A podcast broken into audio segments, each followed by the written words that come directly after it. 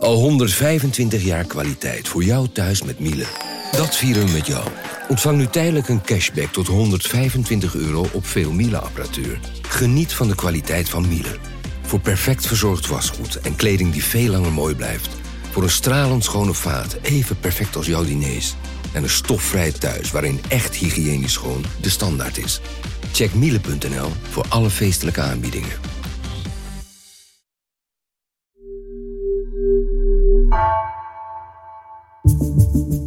Vanaf de redactie van NRC het verhaal van vandaag. Mijn naam is Egbert Kalsen.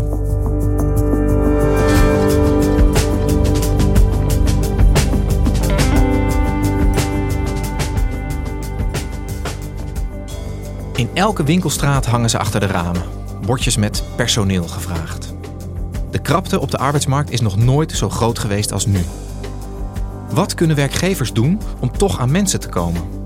Als we dit probleem echt willen aanpakken, zegt economieredacteur Annemarie Sterk, moeten we anders naar arbeid gaan kijken.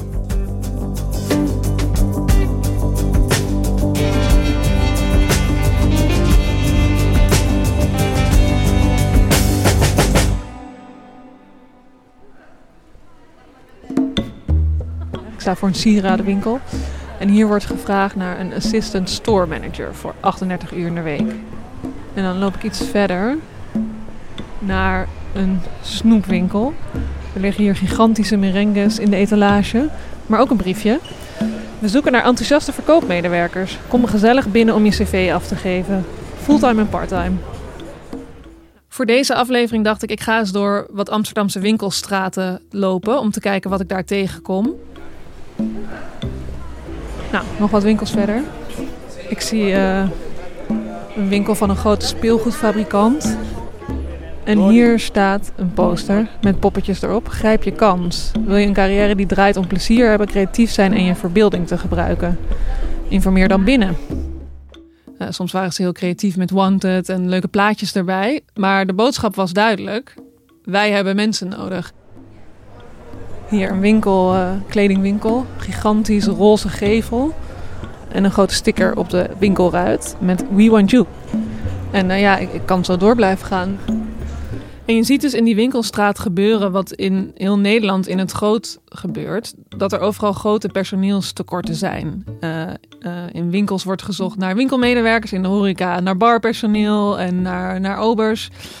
En er staat momenteel een recordaantal van meer dan 400.000 vacatures open. Um, je kunt het ook anders berekenen. Voor elke 105 vacatures zijn er maar 100 werklozen. Dat is een vrij uitzonderlijke situatie. Ja, Annemarie, jij schetst het beeld al van de winkelstraat en uh, de cijfers uh, ondersteunen dat verhaal. Grote krapte op de arbeidsmarkt. Merk jij dat eigenlijk zelf ook in jouw dagelijks bestaan? Zo heel af en toe zijpelt er iets door. Ja, zo kreeg ik laatst een mailtje van de sauna waar ik wel eens geweest ben. Dat ze het restaurant iets eerder dicht gingen gooien wegens een tekort aan personeel. Maar ik hoor ook van collega's of vrienden dat de kinderopvang soms ineens een dagje dicht moet. Omdat er bijvoorbeeld iemand ziek is en ze geen vervanging kunnen vinden. Ja, ik, ik herken dat wat jij zegt van die sauna. Bij ons is het zwembad inderdaad ook weer open, maar heel beperkt. Omdat ze gewoon geen personeel kunnen vinden. En misschien een beetje pijnlijk, maar de krantenbezorging is ook heel slecht door grote tekorten aan, uh, aan bezorgers. Hè? Dus we zitten er zelf ook mee. Het tekort aan krantenbezorgers is zo groot dat nieuwe bezorgers vanaf vandaag een startbonus van 1000 euro krijgen. Ja, ik moet ook gelijk aan Schiphol denken. Ja, er zijn natuurlijk ook grote tekorten. Ik denk dat uh, niemand dat gemist heeft, de, de chaos op de luchthaven. En dat ontstond omdat er een groot tekort is aan bagageafhandelaars. Dus dat zijn de mensen hè, die de bagage in en uit de vliegtuigen laden. Ja, dan gaan we het hebben over de situatie op Schiphol. Want die staat niet op zichzelf. Personeelstekorten en onvrede onder medewerkers over het salaris dreigen niet alleen onze nationale luchthaven, maar onze hele samenleving te ontwrichten. En ook nog wel een leuk voorbeeld. Ajax-fans zal het ook niet ongaan zijn. Ze kunnen kampioen worden. En als ze dan gehuldigd worden, dan kan dat niet op het Museumplein gebeuren. Dat vertelde burgemeester Halsema laatst.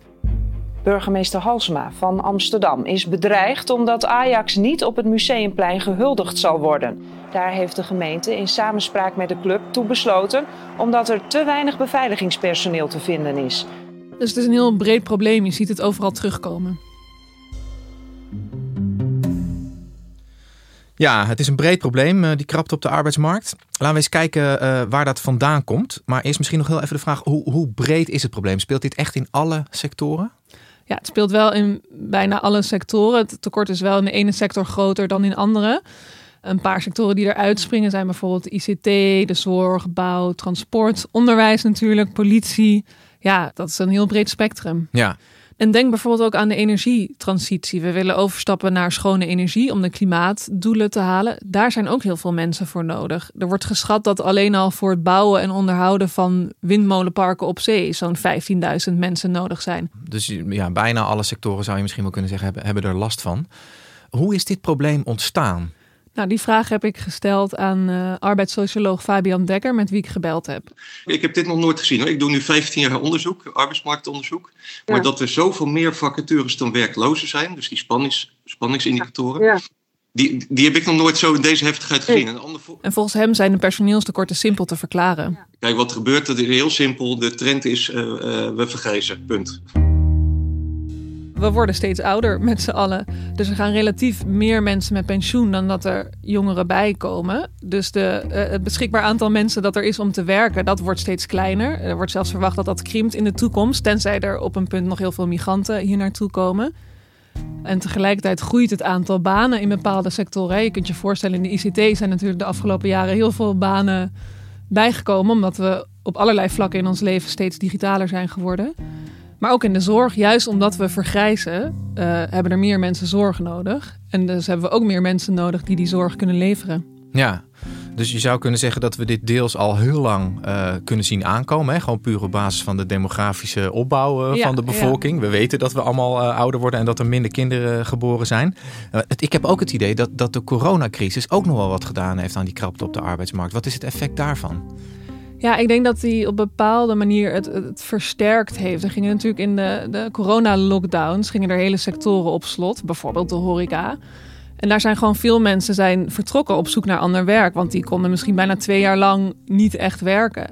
Horeca zijn ook veel tijdelijke contracten, dus dat zijn, waren geen mensen die heel erg gebonden waren aan een werkgever. En die zijn bijvoorbeeld gaan werken bij GGD-testlocaties of vaccinatiestraten. En die vind je dan niet zomaar terug op het moment dat alles weer open mag. Oké, dus er zijn nu heel veel werkgevers die geen personeel kunnen vinden. Die zitten klem. Wat doen ze daaraan op dit moment? Hoe proberen ze open te blijven en wel personeel aan zich te binden? Nou, je hebt een aantal werkgevers die hele gekke fratsen uithalen. Um, zo las ik laatst over een uh, groot pizzabedrijf dat beloofde de best presterende werknemer de ruimte in te sturen. Was misschien een publiciteitsstunt. Het heeft inderdaad wel veel media gehaald. Voor een ruimtereisje, niet definitief hoop ik. Nee, misschien dan sturen ze dan de slechtste werknemer de ruimte in. Nee, ja, voor de beste werknemer, ja, die dan weer terugkomt, is het idee. Um, je ziet ook wel bedrijven die bijvoorbeeld een bonus aanbieden als je mensen aandraagt. Of mensen die uh, leuke extra uh, arbeidsvoorwaarden in de mix gooien. Uh, bijvoorbeeld een elektrische fiets.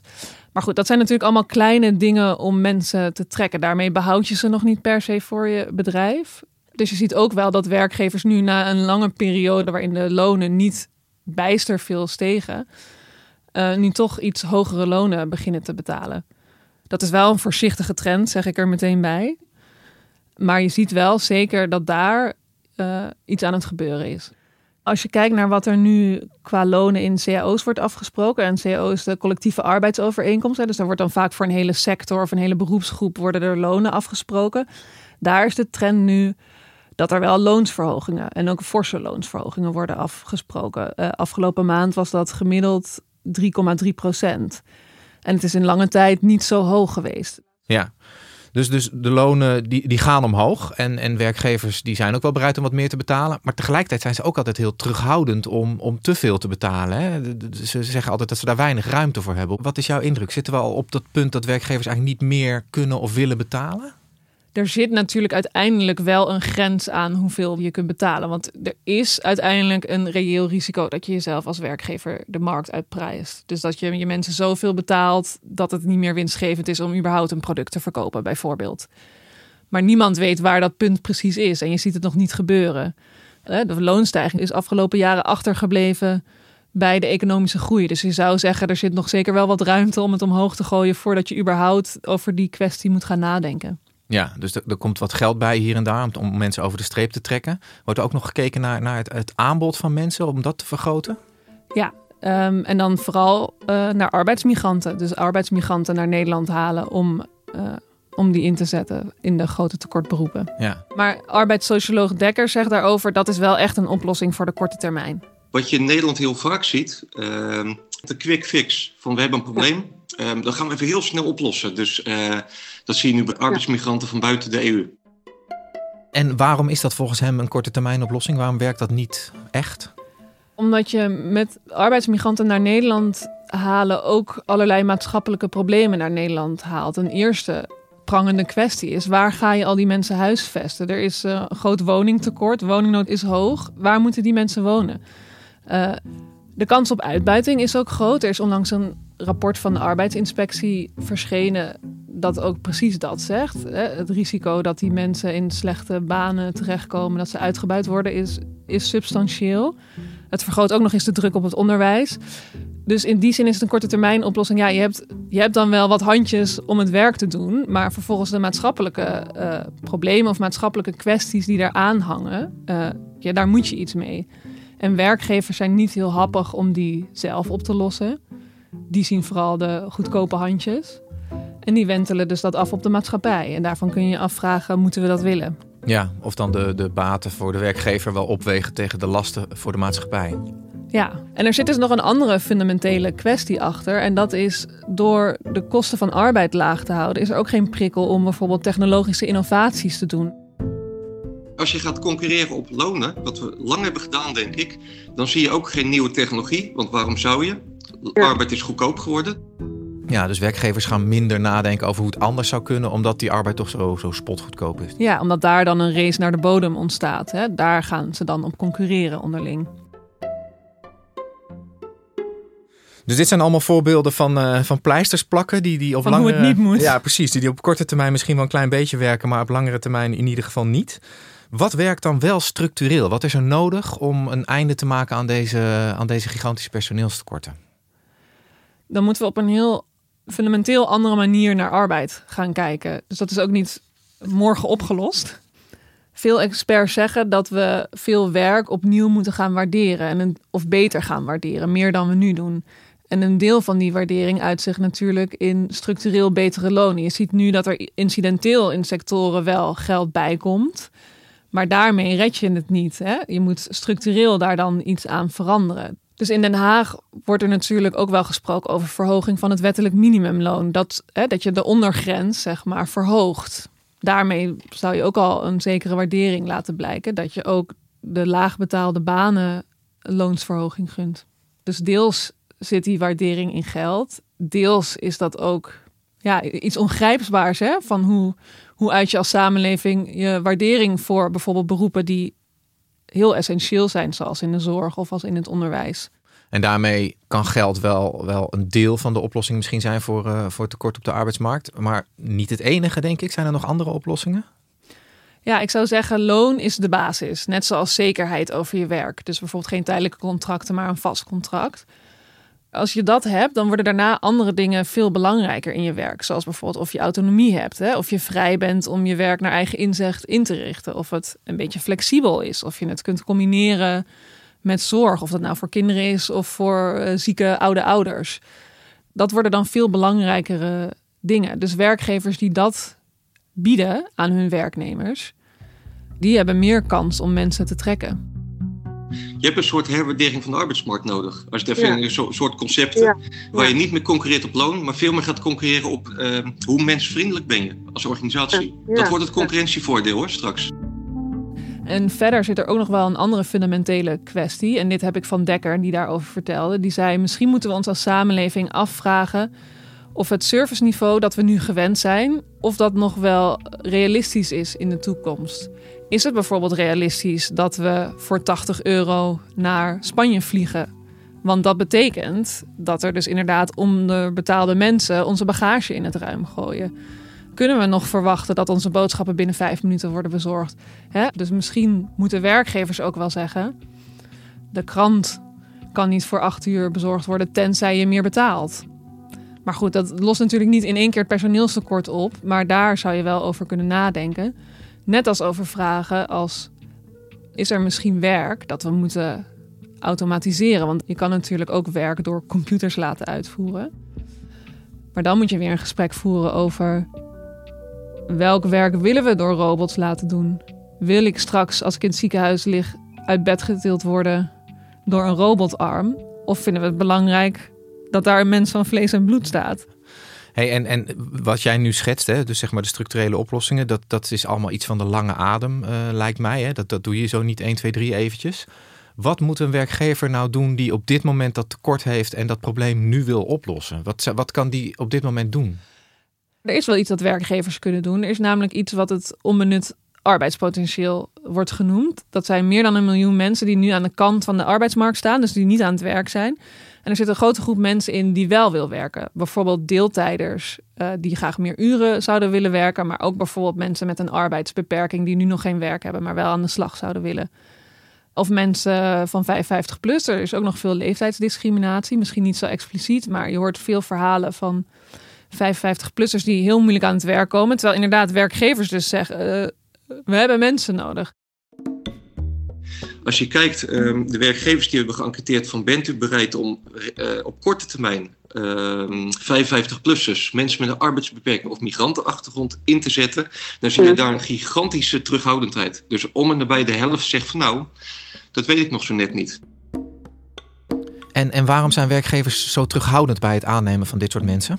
Waarschijnlijk spelen vooroordelen daar een hele grote rol in. Want werkgevers zijn bijvoorbeeld bang dat iemand met een arbeidsbeperking, zoals bijvoorbeeld autisme, misschien niet goed kan meedraaien. Dat het lang duurt om iemand in te werken. Of misschien vergt zo iemand meer begeleiding, je weet het niet.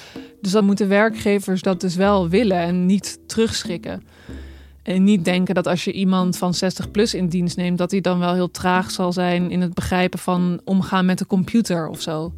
Dus het vraagt ook wel een andere manier van werven bij werkgevers. Er wordt ook wel vaak gezegd, hè, zij moeten sowieso minder gaan werven en selecteren op diploma's en ervaring, maar meer op het potentieel van mensen. En dat kan dus betekenen dat je iemand aanneemt die niet direct volledig kan meedraaien in de functie, omdat iemand nog moet leren. Maar goed, op de lange termijn heb je natuurlijk dan wel een werknemer die, die het werk kan doen dat gedaan moet worden. Ja, want misschien is dat nog wel goed om, om nog heel even te benoemen. De personeelstekorten zoals we ze nu kennen zijn misschien extreem. Maar dit blijft. Ik bedoel, dit tekort blijft voor de komende jaren waarschijnlijk. Ja, want waar we het eerder al over hadden, de bevolking vergrijst. Dus het, hè, het wordt eigenlijk alleen maar erger. Ja. Dankjewel Annemarie. Graag gedaan.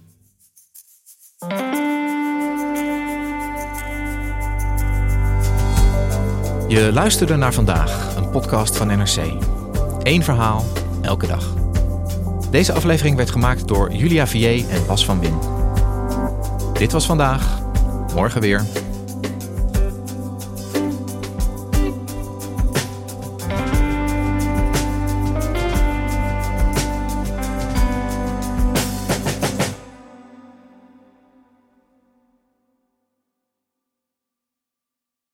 Technologie lijkt tegenwoordig het antwoord op iedere uitdaging. Bij PwC zien we dit anders. Als we de potentie van technologie willen benutten, kunnen we niet zonder een menselijk perspectief. Human-led, tech-powered noemen we dat. Ga naar pwc.nl.